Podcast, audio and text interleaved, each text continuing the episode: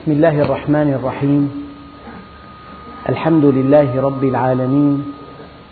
والصلاة والسلام على سيدنا محمد الصادق الوعد الأمين. أيها الإخوة المؤمنون وصلنا في الدرس الماضي في سورة يونس إلى قوله تعالى بل كذبوا بما لم يحيطوا بعلمه. ولما يأتهم تأويله كذلك كذب الذين من قبلهم فانظر كيف كان عاقبة الظالمين. الحقيقة أن في الإنسان صفات عديدة بعضها مقبول وبعضها جيد وبعضها مرذول من صفات الإنسان العقلية المرذولة أن يكذب قبل أن يحيط بالشيء علما. يعني أن يحكم على الشيء قبل أن يعرفه. كيف أن هناك صفات خلقية مذمومة؟ وكيف أن هناك صفات خلقية مذمومة؟ هناك صفات عقلية مذمومة. من الصفات العقلية المذمومة أن تكذب بالشيء قبل أن تعرفه. أن تستخف به دون أن تحيط به علما. أن ترده وأنت جاهل به. هذه صفة عقلية ذميمة في الإنسان. من صفات السذج من صفات عامة الناس من صفات الدهماء من صفات المتخلفين عقليا. أما أن تكذب بالشيء قبل أن تعرفه قبل أن تحيط به علما قبل أن تدرك حقيقته قبل أن ترى أبعاده كيف تكذب به؟ ربنا سبحانه وتعالى ذم هؤلاء الذين كذبوا بالقرآن قبل أن يعلموه. كم من إنسان في هذا العصر لا يعرف حقيقة هذا الكتاب؟ يقول هذا الكتاب ليس لهذا العصر. في غيبيات لو عرف أن سعادته كلها لو عرف أن سعادته وسعادة مجتمعه والإنسانية جمعاء منوطة بتطبيقه لاختلف الأمر. ربنا سبحانه وتعالى يقول بل كذبوا بما لم يحيطوا بعلمه. ولما يأتهم تأويله في بها الآية شيئين. الشيء الأول الإنسان أحيانا ببادر مبادرة ذاتية لمعرفة الحقيقة. وأحيانا تنقل إليه الحقيقة. إذا كان قد بادرها أو نقلت إليه وعقلها وطبقها فهو في خير. يعني سواء عليك أفكرت تفكيرا ذاتيا بربك وبآياته الكونية واستنبطت من هذه الآيات أن لك ربا عظيما خالقا قديرا حكيما سوف يعيد الخلق مرة ثانية ليجزي كل إنسان بما عمل. سواء عليك أبادرت أنت لمعرفة الحقيقة أم نقلت إليك الحقيقة لا بد من أن تعرف الحقيقة. إما عن طريق النظر وإما عن طريق السمع. عن طريق النظر قل انظروا ماذا في السماوات والأرض. إنسان ما نظر؟ إذا جاءه الحق عن طريق إنسان وأسمعه إياه صار هذا الحق حجة عليه. ولو علم الله فيهم خيرا لأسمعهم يعني, يعني إما أن تفكر أنت إما أن تنظر وإما أن تسمع. وأما الكفار ربنا عز وجل وصفهم فقال نعم. إن الذين كفروا سواء عليهم أأنذرتهم أم لم تنذرهم لا يؤمنون ختم الله على قلوبهم لأن منفذي القلب هما السمع والبصر وعلى أبصار وعلى أبصارهم غشاوة. يعني منفذ القلب عليه غشاوة وهو حب الدنيا. صار في عندنا منفذين للحق. إما أن تنظر وإما أن تسمع. أما هؤلاء الذين كفروا بهذا الكتاب كذبوا, كذبوا به ولم ينظروا في آياته ودلالاتها ولم ينظروا في نظامه الاجتماعي ونظامه الاقتصادي ولم ينظروا في تشريعاته ولم ينظروا في دلالاته وآياته ولم ينظروا في مضامينه ولا في إعجاز صياغته وبيانه ولا في إعجازه الرياضي والحسابي والدلالي لم ينظر في القرآن. وحينما نقل إليه تفسيره الصحيح أيضا لم ينظر في هذا التفسير. بل كذبوا به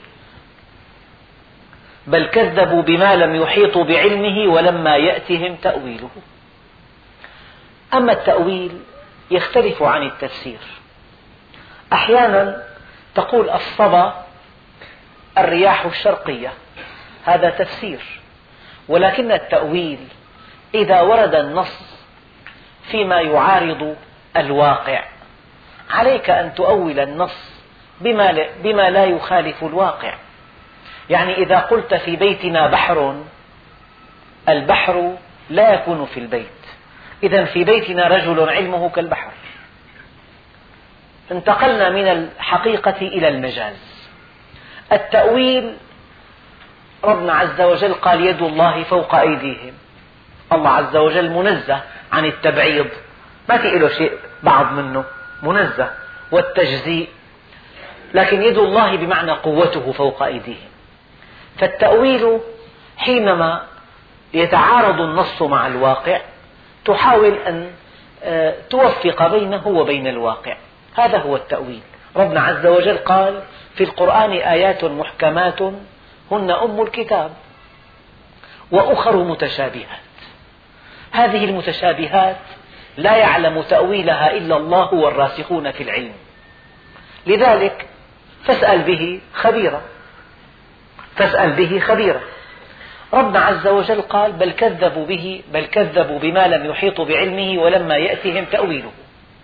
التأويل هنا يعني آه، توضيح الآيات إيضاحة تفسيره توفيقه مع الكمال الإلهي.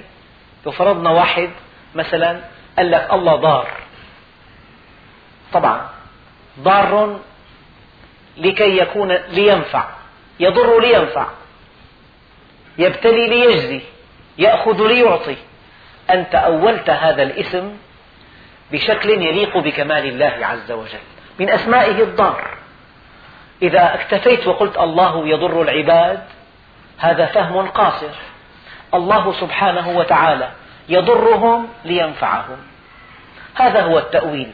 أولت الضرر بصالح العباد وبشكل يتناسب مع كمال الله عز وجل. إذا قال النبي عليه الصلاة والسلام لو لم تذنبوا لذهب الله بكم وأتى بقوم يذنبون هنا الذنب بمعنى الإحساس بالذنب. يعني إن لم تحسوا على ذنوبكم لم يكن فيكم خير يرتجى. لذهب الله بكم. وأتى بقوم يذنبون. يعني إذا خالفوا أدق مخالفة. إذا وقعوا في أصغر ذنب اشتعلت نفوسهم فرقا من الله عز وجل. هؤلاء ناجون.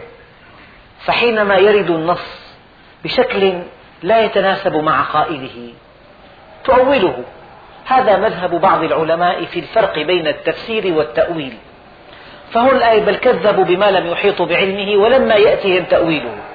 يعني الإنسان ما له حق يكذب بآية أو ما, ما يأخذ لآية مكانتها قبل أن يعرف تأويلها. ولا يعلم تأويله تأويله إلا الله. والراسخون في العلم. هنا الوقف. عند كلمة والراسخون في العلم. شهد الله أنه لا إله إلا هو والملائكة وأولو العلم قائما بالقسط. من علامات العلماء الصادقين أنهم يشهدون للناس عدالة الله عز وجل.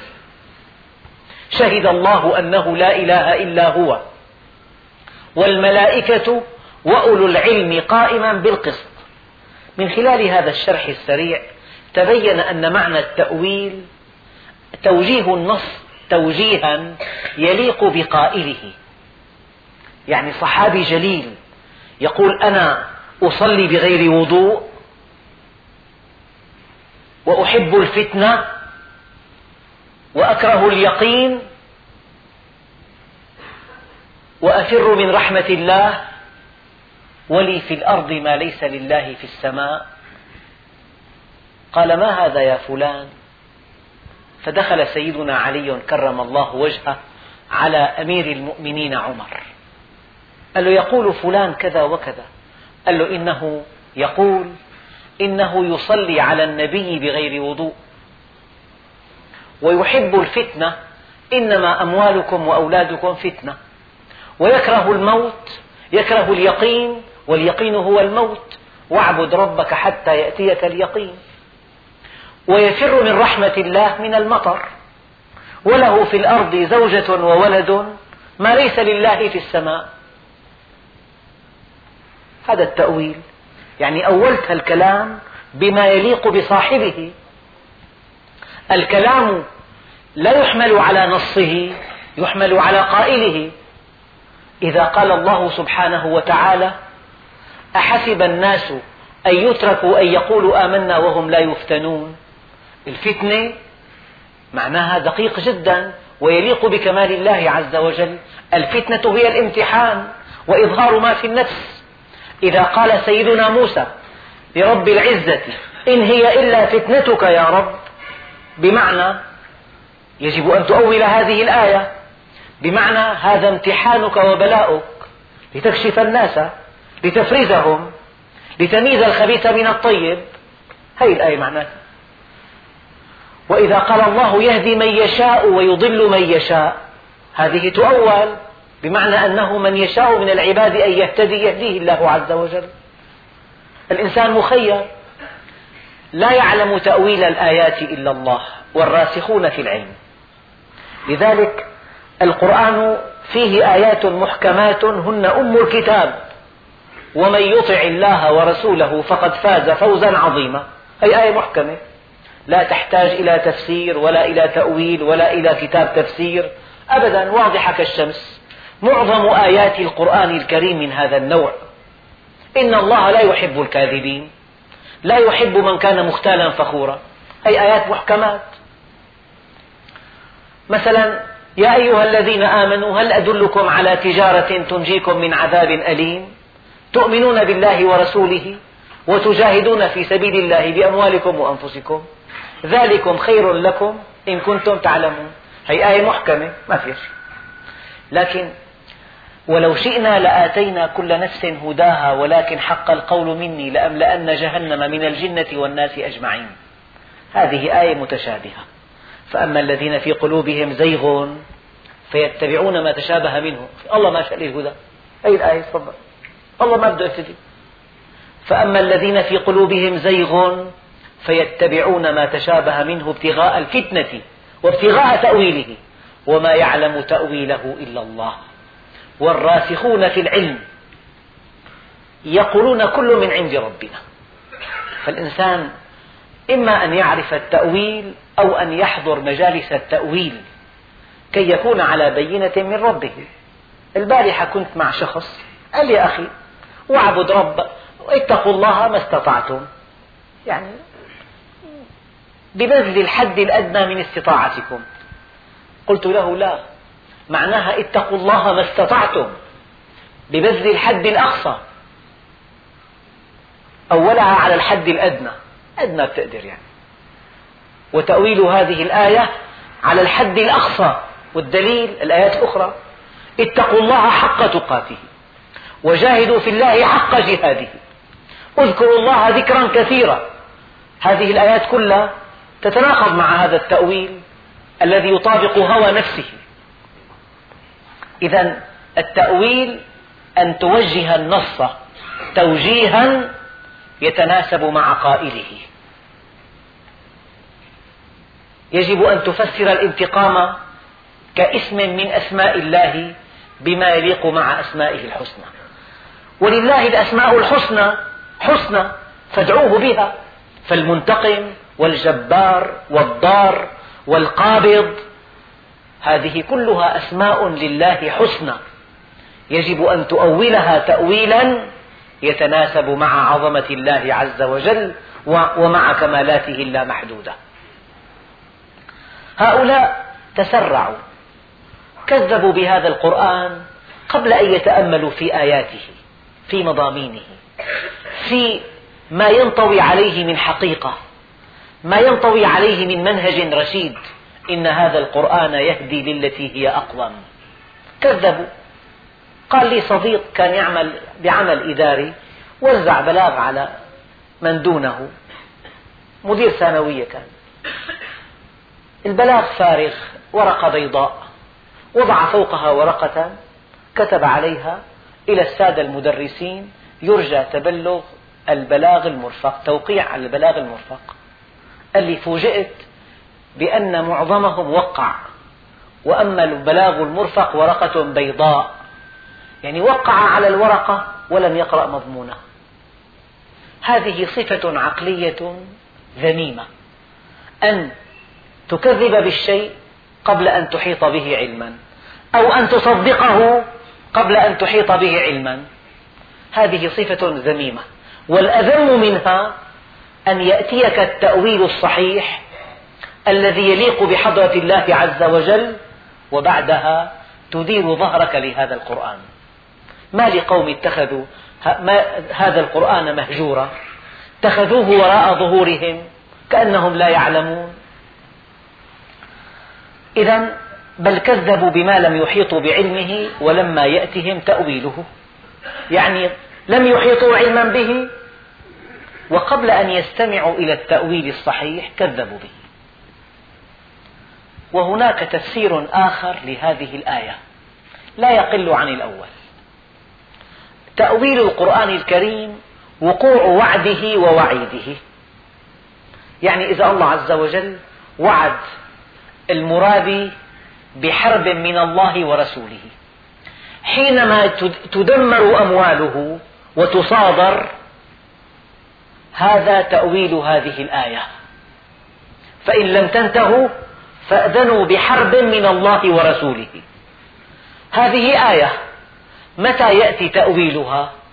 إذا صودر المال كله أو احترق أو تلف أو دمر تدمير هذا المال تأويل الآية. إذا هم كذبوا بما لم يحيطوا بعلمه لكن تأويله لم يأتي بعده. هي لما في عنا لم. وفي عنا لما ولام الأمر ولام النهي هذه الجوازم. تختص لما بوضع دقيق. مثلا إذا قلت لم يحضر المدرس هذه لم تنفي الفعل المضارع وتجعله ماضيا. يسموها حرف جزم ونفي وقلب. نفت حدوث الفعل وجزمته وقلبت معناه من المضارع إلى الماضي. لم يحضر المدرس. أما إذا قلت لن يحضر المدرس هذه لن تنفي المستقبل مع أنها حرف ناصب. تنفي المستقبل.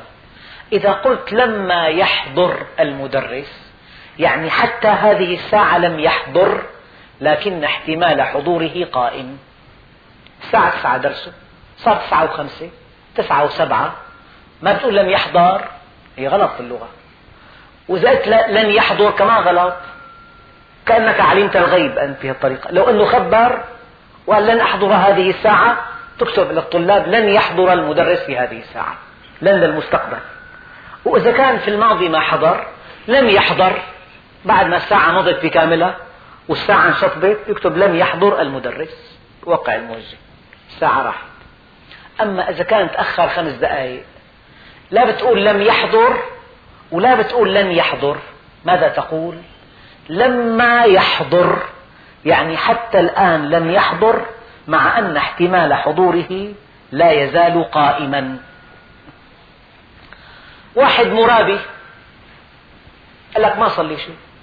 هي أموالي عم تزداد بالمية 18 عم باخذ فائدة. ودعناهم مئة ألف صاروا مئة ألف دولار بنك أجنبي صاروا هلأ مية وثمانية ألف دولار. شو صار لي؟ هات شوف هات شوف مرتاح من كل هموم الحياة. مبلغ ضخم عم يجيني كل شهر. بصرفه. لا لي مسؤول أمام. لا بدي فاتورة ولا بدي بيان ولا بدي شيء. بنقول له ولما يأتهم تأويله. تأويل هذه الآية آية الربا لما يأتي بعده لكنه سوف يأتي سوف يأتي. واحد مثلا تجاوز حدوده في علاقته مع النساء. قال لك شو صار؟ نقول له هذه الآية لما يأتي تأويلها. إذا وجدت رجلا في بيتك عندئذ يأتي تأويل الآية. من يزني يزن به ولو بجداره إن كنت يا هذا لبيبا فافهم التأويل صار بمعنى آخر يعني تحقق وعد الله ووعيده. وعد الله الذين آمنوا منكم وعملوا الصالحات. ليستخلفنهم في الأرض.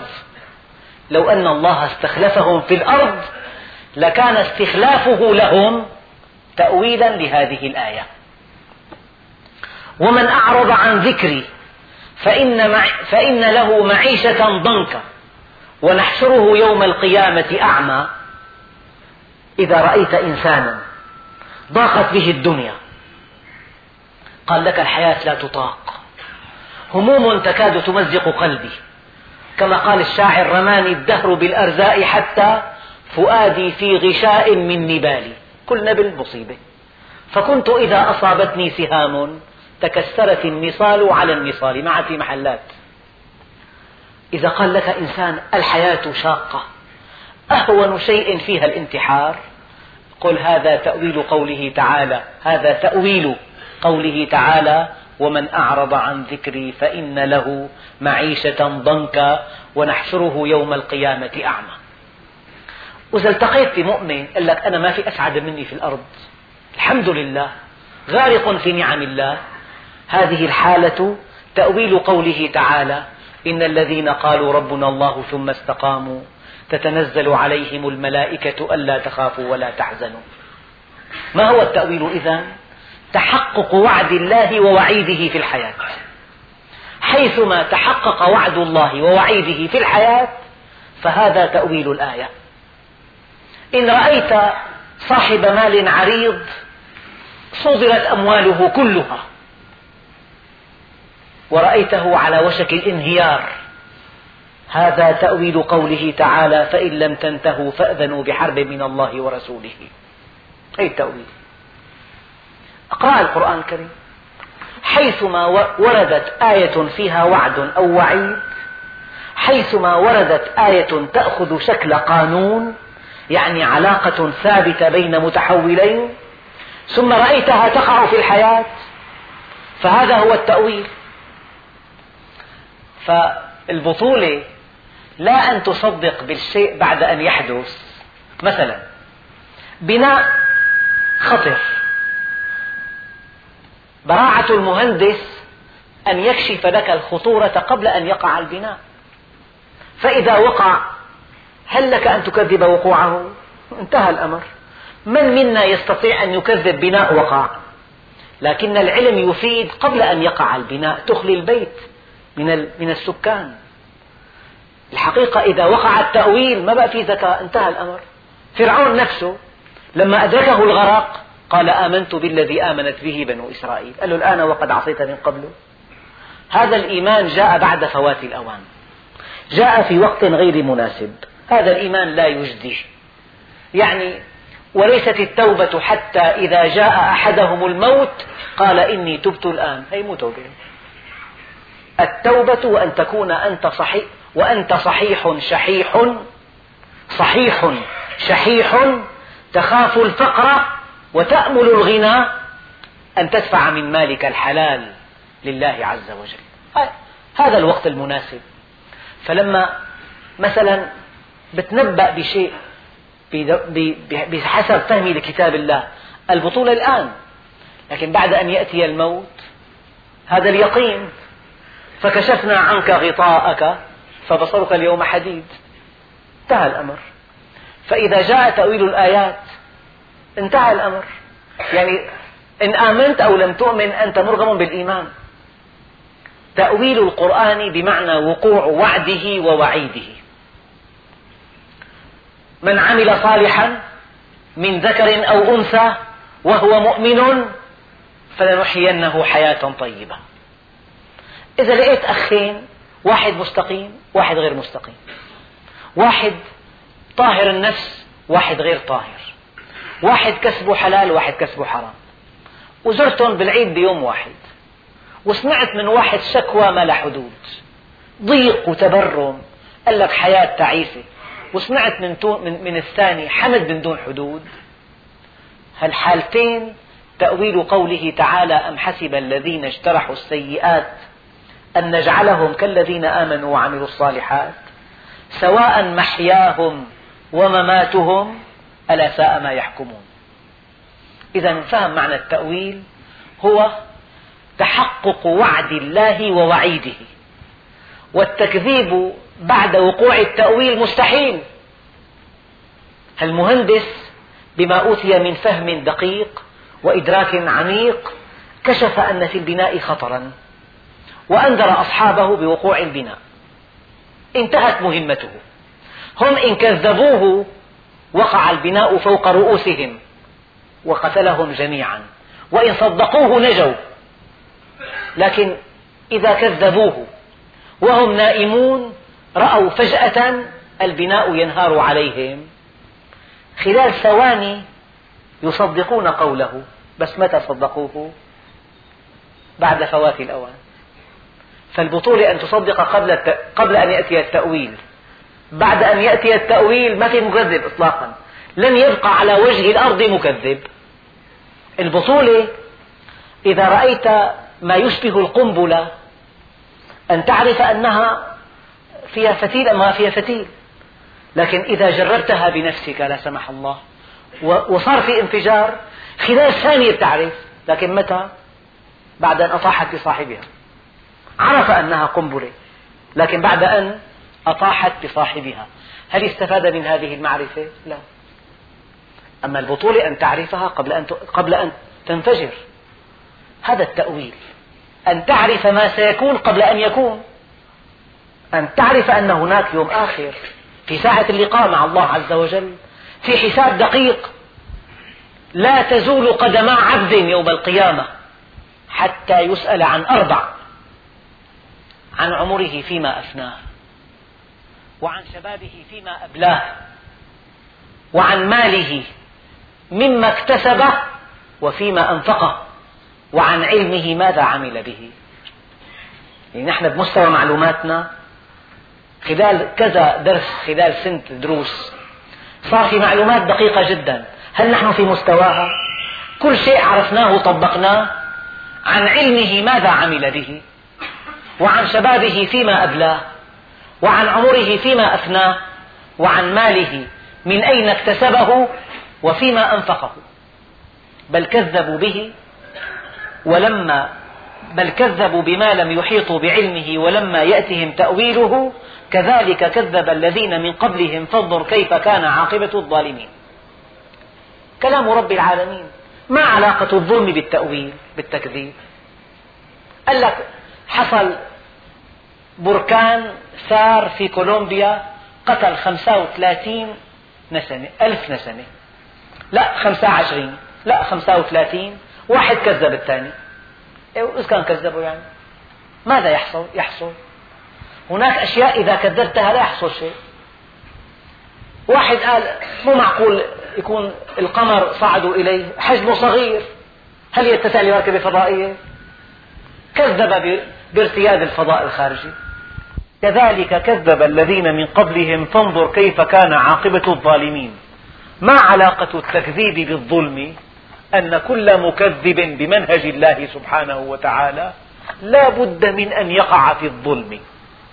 أبدا. إذا كان كذبت بغض البصر بهالتشريع هذا وأطلقت البصر هذا إطلاق البصر لا بد من أن يبذر في النفس الهوى. فإذا بذر إطلاق البصر في النفس الشهوة لا بد من أن تعتدي على أعراض الآخرين. التكذيب بغض البصر لا بد من أن ينتهي بك إلى العدوان على أعراض الناس. التكذيب بأن الربا محرم لا بد من أن يحملك على أكل الربا. وأكل الربا ظلم. دقيقة الفكرة دقيقة. علاقة التكذيب بالظلم. إذا كذبت بالمنهج الصحيح لو أن إنسان كذب أن يكون الوقود السائل وقودا للسيارة وضع ماء محله. هل تسير؟ لا تسير. هذا التكذيب له مضاعفات. وضع الماء بقي في مكانه واقفا. لما كذب أن الوقود بنزين وضع مكان البنزين ماء معناها برك في أرضه. جمد. فمو كل تكذيب خطير. إذا كان ما صدقت أنه راح 35 ألف قلت لا 25 ألف ماشي الحال. هذا التكذيب غير خطير. لكن إذا كان كذبت بمنهج الله عز وجل هذا تكذيب خطر تكذيب مدمر ينتهي بصاحبه إلى الظلم والظلم ظلمات يوم القيامة. هي دقة الربط القرآني بل كذبوا بما لم يحيطوا بعلمه ولما يأتهم تأويله كذلك كذب الذين من قبلهم. فانظر كيف كان عاقبة الظالمين. شوف كذب فانظر. هذه الفاء للترتيب على التعقيب. يعني لا بد من أن تأتي النتيجة عقب السبب. كذب بالآيات فانظر كيف كان عاقبة الظالمين. أشخاص كثيرون يحلفون يمينا غموسا في المحاكم. لا تنقلهم قدماهم مترين إلا ويقعوا في حالات مرضية وبيلة فانظر كيف كان عاقبة الظالمين. ومنهم من يؤمن به ومنهم من لا يؤمن به. هذا القرآن الإنسان مخير. منهم من يؤمن به ومنهم من لا يؤمن به. وربك أعلم بالمفسدين. طيب ما علاقة الفساد هنا بعدم الإيمان؟ يعني إن لم تؤمن بهذا الكتاب لا بد من أن تكون مفسدا في الأرض. أبدا. تفسد العلاقات بقولك بنظراتك بتعاملك مع الناس. ما دمت لا تؤمن بهذا القرآن فلا بد من أن تكون مفسدا. إما أن تكون مصلحا وإما أن تكون مفسدا. كأن الله سبحانه وتعالى في هذه الآيات يبين لنا ما ينتج عن الإيمان به وما ينتج عن عدم الإيمان به. ومنهم من يؤمن به ومنهم من لا يؤمن به وربك أعلم بالمفسدين. إن لم تؤمن بهذا الشرع الحنيف بهذا المنهج القويم إن هذا القرآن يهدي للتي هي أقوم. لا بد من أن تكون مع المفسدين. فإن وإن كذبوك فقل لي عملي ولكم عملكم. في معك بالبيت كيلو. قلت للناس ذهب قال لا كذب هذا تنك. هو ذهب فعلا. مين الخسران؟ هن مين ربحان أنت؟ معك كيلو قلت للناس ذهب هو تنك. قاموا صدقوك الناس؟ كلهم صدقوا. طيب مين الخسران؟ أنت. شغل علاقتك مع نفسك. كل محاولات الدجل والاستعراض وعرض العضلات أشياء سخيفة. ما لا وزن عند الله عز وجل لك حقيقة عند الله. لا لا تجرحها إساءة ظن الناس بك ولا ترفعها ولا يرفعها ثناء الناس عليك. الشيخ محي الدين رضي الله عنه قال عنه بعضهم زنديق كافر وقال عنه بعضهم سلطان العارفين. لا قول بعضهم سلطان العارفين يرفع مكانته عند الله ولا قول بعضهم أنه كافر يخفضه عند الله. تلك أمة قد خلت. لها ما كسبت ولكم ما كسبتم. علاقتك مع نفسك. يعني ريح نفسك من أقوال الناس. لا تستجدي ثناء الناس. طوبى لمن شغله عيبه عن عيوب الناس. طوبى من وسعه بيته وبكى على خطيئته. أمسك عليك لسانك والزم بيتك وابكي على خطيئتك. هذه النصيحة الإلهية. من حسن إسلام المرء تركه ما لا يعني. هذا المثل لا تنسوا لي معك كيلو معدن. الناس جميعا ظنوه تنكا. هو ذهب حقه 158 ألف. معك كيلو تنك. أوهمت الناس أنه ذهب. وصدقوك. هو تنك. أنت الخسران. فإن كذبوك وإن كذبوك فقل لي عملي ولكم عملكم. هذا العمل ملك. يعني الإنسان ماذا يملك؟ هل يملك البيت؟ لا يملكه. لا بد من أن يخرج منه بشكل أفقي. أبدا. إذا واحد في عنده بيت يقول بدي يغسلوني له غرفة الحمام بالمطبخ بالممشى لا بد ما يطلع منه. بفوت له بيطلع له عشر سنوات. في طلعة ما فيها رجعة أبدا. فالبيت مو إلك. السيارة مو إلك. تتاخذ مفاتيحها بيركبوها أناس آخرين. وهل عندك خزانة فيها مقتنيات ثمينة؟ مو إلك هي. وعندك أرض ارتفع سعرها مئة ضعف مو إلك ليس لك إلا عملك. يا قييس إن لك قرينا. تدفن معه وهو حي ويدفن معك وأنت ميت. فإن كان كريما أكرمك وإن كان لئيما أسلمك. ألا وهو عملك. والعصر. إن الإنسان لفي خسر إلا الذين آمنوا وعملوا الصالحات. قل هل ننبئكم بالأخسرين أعمالا الذين ضل سعيهم في الحياة الدنيا وهم يحسبون أنهم يحسنون صنعا. وإن كذبوك لا تبالي من عرف نفسه ما ضرته مقالة الناس به. وإن كذبوك فقل لي عملي ولكم عملكم. أنتم بريئون مما أعمل وأنا بريء مما تعملون. يعني ولا تزر وازرة وزر أخرى. كل إنسان محاسب عن عمله. لن تحاسبوا على عملي ولن أحاسب على ولن أحاسب على أعمالكم.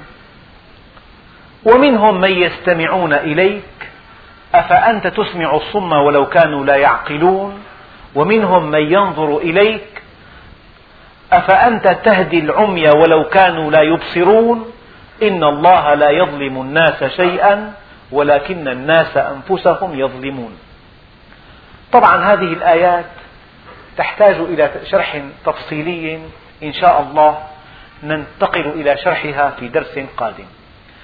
أردت في درس الجمعة أن أجمع بين الآيات القرآنية والآيات الكونية. الكون قرآن صامت والقرآن كون ناطق وإن لربه وإن لله عز وجل في خلقه كتابين القرآن كتاب والكون كتاب. الآيات الكونية كلها تجسد أسماء الله, أسماء الله الحسنى. ومن أسماء الله الحسنى القوي. القوي اسم من أسماء الله عز وجل.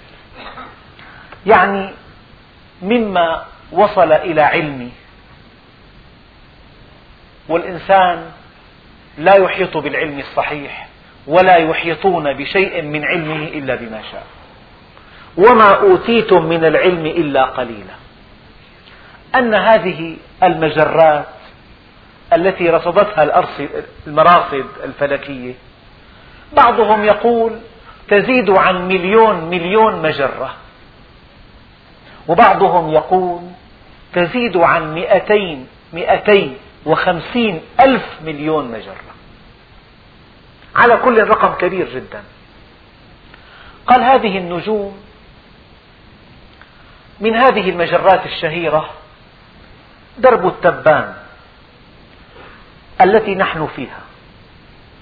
والمجموعة الشمسية ما هي إلا نجم صغير صغير في هذا, في هذا الدرب الكبير. على كل الذي يعنينا قال إن هذه النجوم تتولد فيها تفاعلات نووية يعني كبيرة جدا. هذه التفاعلات النووية في باطن النجوم تشكل قوة ضاغطة نحو الخارج. وبحسب قانون الجاذبية كل ما على النجوم يشكل قوة منسحبة إلى الداخل. فالتفاعل النووي يشكل قوة دفع نحو الخارج وجذب نيوتن يشكل قوة دفع نحو الداخل. هاتان قوتان متوازنتان.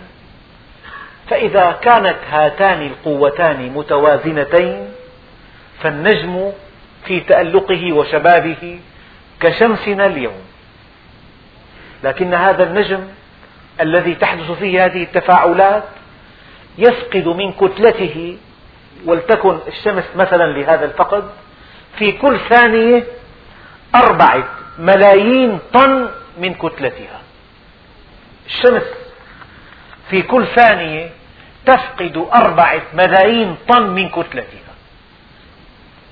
قال هذا النجم ماذا يحدث له إذا خبى التفاعل النووي في داخله؟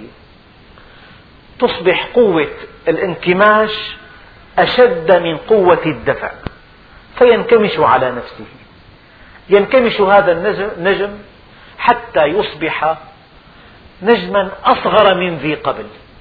وإذا صغرت كتلته خرج عن مداره وانفلت من نظام الجاذبية. هذا النجم العلماء في عام 67 كشفوا من هذا النجم ما يزيد عن 200 نجم. سمي هذا النجم القزم الأبيض يعني التفاعل النووي في باطنه. خفت حدته قوة الانسحاب نحو الداخل فاقت قوة الدفع نحو الخارج. قلت كتلته ازدادت كثافته خرج من مداره. النقطة التي أثارت انتباهي أن هذا النجم حينما زادت كثافته معنى الكثافة يعني نسبة الوزن للحجم. حمل كيلو حديد وحمل سفنجة, سفنجة. تلاقي هذا وزنه شديد. السفنجة حجمها أكبر أما الحديد أوزن. نقول كثافة الحديد أشد. قال هذا النجم تزيد كثافته مليون مرة عن كثافة الماء. مليون مرة. ماذا يعني ذلك؟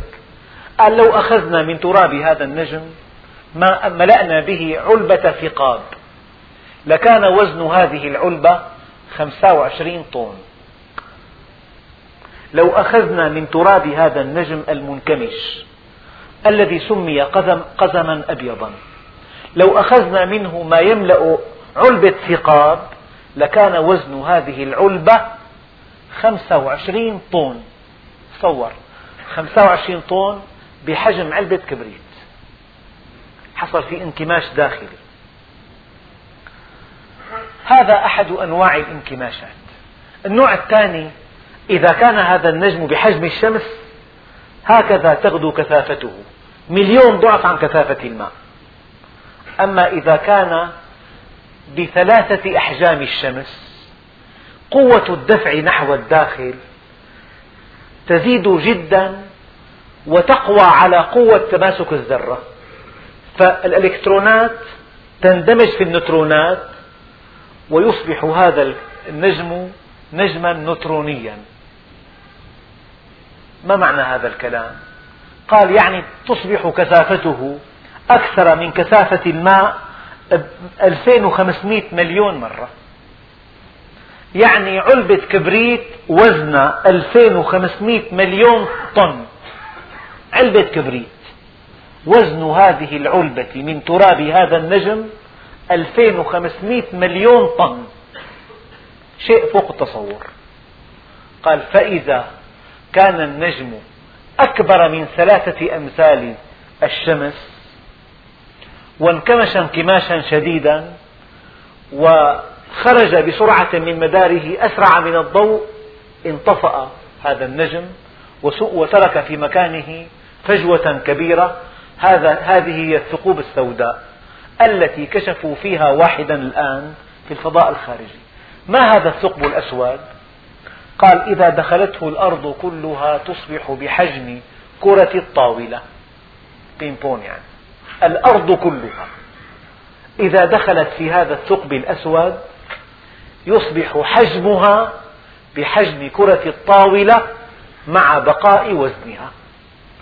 فأتصور أرض بكاملة. القارات بكاملة. المحيطات الجبال انقلبت إلى حجم كرة.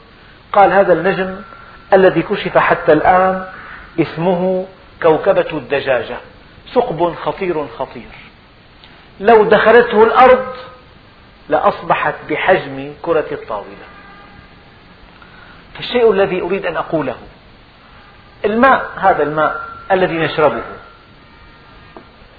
هذا الماء الذي نشربه لو اجتمع أهل الأرض كلهم على أن يضغطوه ما استطاعوا. لو جبنا متر مكعب من الماء وضعناه بمكبس وضعنا فوقه 100 طن 200 طن 300 طن ما بينضغط. لذلك يستعملوا الزيوت السائلة في نقل الحركة بالهيدروليك. يعني حركة مليمتر من جهة السائق تنتقل نفسها للمكبح. السوائل لا تنضغط. وهذا الماء الذي نشربه إذا أراد أن يتمدد بفعل البرودة لا شيء يقف أمامه. الفولاذ ينصدع. الصخر الأصم ينصدع. إذا كان هذا الماء لا يمكن ضغطه. وإذا أراد وإذا بردناه وتمدد لا يمكن إيقاف تمدده. بأية قوة على وجه الأرض. إذا كان الماء بهذه القوة فما هذه القوة الكبيرة في الثقوب الفضائية؟ بحيث إذا دخلتها الأرض بكاملها تصبح ككرة الطاولة. يعني أقرب شاهد لنا ميزان الحرارة في فجوة فارغة. لو وضعته في مكان حار ووصل الزئبق إلى حده الأقصى ينكسر الميزان. خط الزئبق رفيع جدا ومع ذلك يكسر الميزان. إذا السوائل حينما تتمدد لا شيء يقف أمامها ولا شيء يضغطها فما بالك بهذه الأرض وما عليها؟ هذا تقريب قليل لاسم القوي. ربنا عز وجل قال ولله الأسماء الحسنى فادعوه بها. أذن أبو محمد. من هذه الفقرة التي سأستمر عليها إن شاء الله في آخر الدرس توضيح بعض الآيات الكونية. أردت من هذه الفقرة أن أثير في الإخوة الحاضرين حب التفكر في آيات الله لأن التفكر في آيات الله عبادة ليس مثلها عبادة لأنها أقرب طريق إلى الله عز وجل. لأن الله سبحانه وتعالى كما قال الإمام علي لا تدركه الحواس ولا يقاس بالناس فوق كل شيء وليس تحته شيء وهو في كل شيء ليس كشيء في شيء وليس كمثله شيء. الله سبحانه وتعالى لا تعرفه بالحواس ولكن تعرفه بالآيات. وآياته مبثوثة. في كل في كل شيء. وفي كل شيء له آية تدل على أنه واحد. هالنظرة المألوفة ألفنا الشمس والقمر والطعام والشراب. لو تعمقت لوجدت أن في كل شيء إعجازا. الحياة فيها إعجاز. طعامك في إعجاز. المطر في إعجاز. هذا كله إذا تأملت فيه تعرفت إلى الله عز وجل. وإنما يخشى الله من عباده العلماء. وبقدر تفكيرك بآيات الله بقدر خشيتك له. لا عبادة كالتفكر الذي أرجوه أن يكون لكل واحد منا. بعد صلاة الصبح جلسة يتفكر فيها بأسماء الله الحسنى أو بخلقه أو بآياته أو بجسمه أو بحواسه الخمس أو بطعامه بشرابه بإبنه بهذه المخلوقات التي بثها الله في الأرض.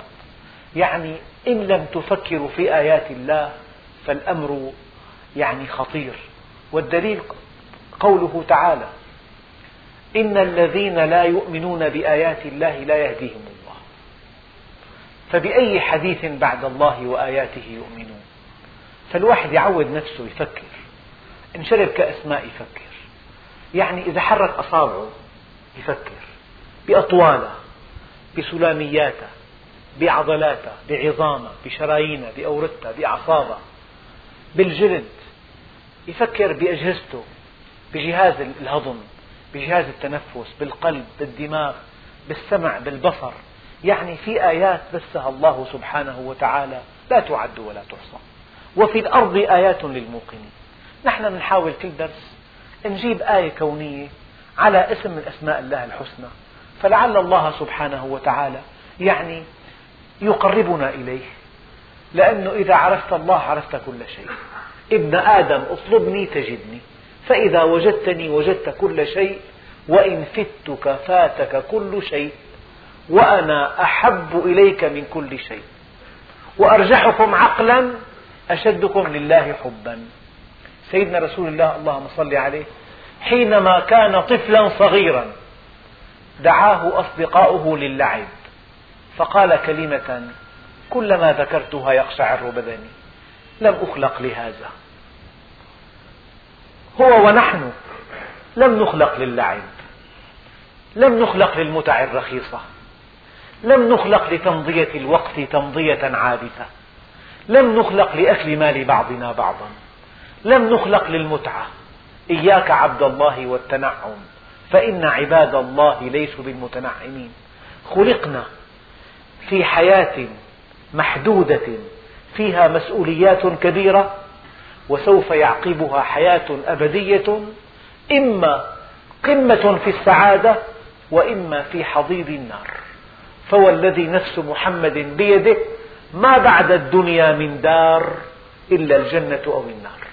ما في حالة ثالثة والموت وشيك لا يدري أحدنا متى, متى أجله. يعني ثواني يصبح في عداد الموتى. ثواني كان ملء السمع والبصر فصار خبرا على الطرق في الطرقات على الجدران. الموت وشيك والسعيد من اتعظ بغيره والشقي من اتعظ بنفسه. لا الحمد لله رب العالمين. وأفضل الصلاة وأتم التسليم على سيدنا محمد الصادق الوعد الأمين. اللهم أعنا على دوام ذكرك وشكرك وحسن عبادتك. وارزقنا الشوق إلى لقائك ولذة النظر إلى وجهك الكريم. اللهم اجز عنا سيدنا محمدا صلى الله عليه وسلم ما هو أهله. واجز عنا صحابته الكرام ما هم أهله. واجز عنا مشايخنا ومن علمنا ومن له حق علينا. اللهم يا أكرم الأكرمين اجعل جمعنا هذا جمعا مباركا مرحوما. واجعل تفرقنا من بعده تفرقا معصوما. ولا تجعل فينا ولا منا ولا معنا شقيا ولا محروما. اللهم اسقنا الغيث ولا تجعلنا من القانطين. اللهم اسقنا الغيث ولا تجعلنا من القانطين. اللهم اسقنا الغيث ولا تجعلنا من القانطين. اللهم استر عوراتنا وآمن روعاتنا وآمنا في أوطاننا. واجعل هذا البلد آمنا سخيا رخيا وسائر بلاد المسلمين. والحمد لله رب العالمين. الفاتحة.